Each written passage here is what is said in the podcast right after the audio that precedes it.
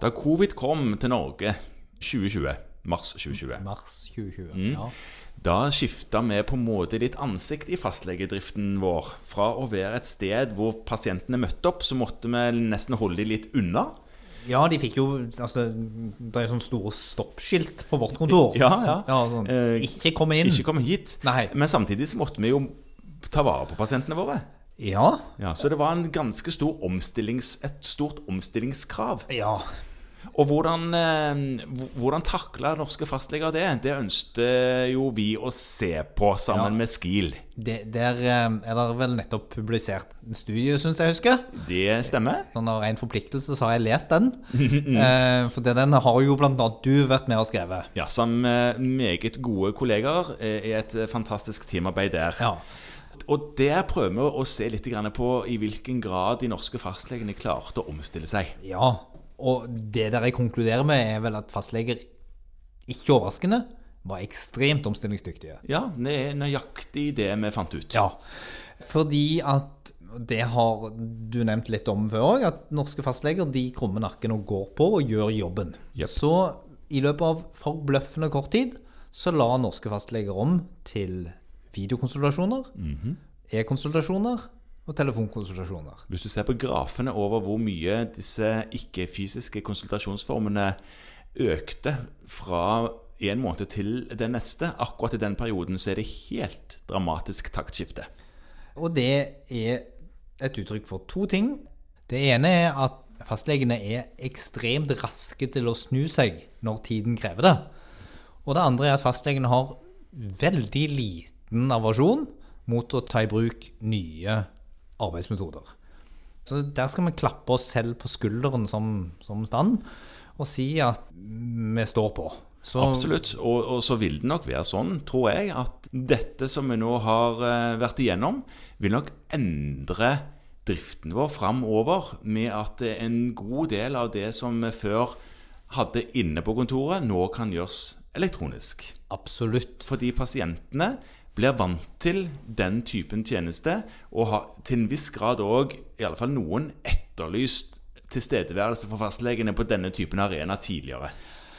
Og det er nok en prosess som må gå seg litt til, for en annen erfaring de fleste fastleger har gjort seg, er at vi lærer etter hvert hva som funker, og hva som ikke funker på elektroniske kanaler. Ja, og det er masse, masse ting som, man, eh, som vil dukke opp her, som er potensielle fallgruver og minefelt. Ja. Ja. Eh, og fortsatt er det sånn at det er ganske mye, særlig med, med praktisk klinisk undersøkelse, som gjør seg best fysisk. Så åpenbart. Eh. Og så er det òg noe med dette med risikopasienter. Folk som står i fare for særlig alvorlige forløp for sykdom, som det er farlig å miste kontakten med. Ja, eh, og der tenker jeg at elektroniske kommunikasjonsformer kan være et veldig godt supplement til den øvrige oppfølgingen. Og i denne tiden så har det jo I starten var det veldig sånn at eh, mange kronisk alvorlig syke de, de dukket jo ikke opp engang. De tenkte at for det første så har fastlegen så forferdelig mye å gjøre.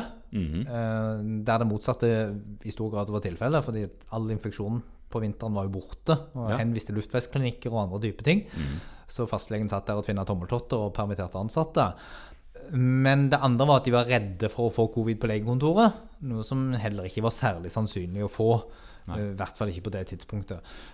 Det er ekstremt viktig. Og fastlegene har en enormt viktig oppgave i å identifisere risikopasientene. Og følge de grundig opp i pandemitiden for å optimalisere øvrig behandling i fall de skulle bli syke. Ja, og da vil jeg jo si at bare det virvaret og rotet vi nå har med å bare så enkelt som prioritere hvem som skal få covid-vaksine, ut fra uttrekk fra den elektroniske pasientjournalen vi har, setter jo på en måte søkelys på i hvilken grad vi rent faktisk har oversikten over risikopasientene våre. Ja, og det er vel eh, godt dokumentert at det har vi ikke i den grad vi kanskje burde. Nei, og i den grad vi har oversikt, så er det ikke sikkert at alle de vi har oversikt over, er mulig å kontakte på en ikke-fysisk måte. Nei. Eh, sånn at da skal vi kunne slå et slag for noe vi har snakket om før, og det er at i denne tiden så er det lagt betydelig press på fra eh, myndigheter, og det er egen takst for stratifisering av risikopasienter i covid-tiden. Sånn at det er absolutt tiden for å prøve å gjøre en ærlig jobb med å systematisk trekke ut hvem det er som er risikopasientene, og få en oversikt over de, og få satt de litt i system. Det må òg gjøres nå i forbindelse med vaksineringen. Veldig, veldig mange kommuner har organisert seg dit hen at det er fastlegene som er sentrale i uttrekk av risikopasienter. Og det tror jeg vi må være. For det er ingen andre som kan finne ut hvem det er som er risikopasientene, enn oss. Nei. Og så mangler vi litt gode verktøy til det. Ja, nettopp. Det fins noen gode datastøtteverktøy som kan hjelpe oss, og det bebudes veldig at det skal lages noen ting. Ja. Jeg er nok befengt med en viss sånn naturlig skepsis til alle sånne typer programvarer, fordi at erfaringen er at utfordringen er ikke nødvendigvis bare datauttrekksverktøyet, men vår litt kreative journalføring, som ikke helt er standardisert nok Nei. Altså, til at denne typen verktøy 100% fungerer. Det er den gode shit in, shit out-mentaliteten som eh, gjelder. Altså Hvis du har vært kreativ i kodingen og kanskje koda litt sånn fordi du mistenker en eller annen diagnose, uten egentlig å ha stilt den, som man kanskje har gjort tidligere, som man egentlig ikke skal gjøre, så vil du få feil når du trekker ut. Og en annen ting er jo hvis man ikke har robuste verktøy som man kan stole på gang etter gang, så er det òg veldig skummelt å tenke på at eh, en del kolleger har ingen mulighet til å fange opp de pasientene som har avbestilt time, og ikke dukke opp. Nei. Sånn at en kan gå helt under radaren her. Så vi trenger en eller annen form for eh, støtte. I tillegg til dette taktskiftet som fastlegene nå holder på med, så må vi ha hjelp til å gjøre dette på en trygg måte.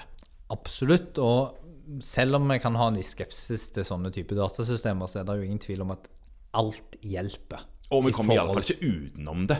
Nei. Nei. Så gjør en jobb. Ikke utsett det. Det er i grunnen bare å begynne. Ja.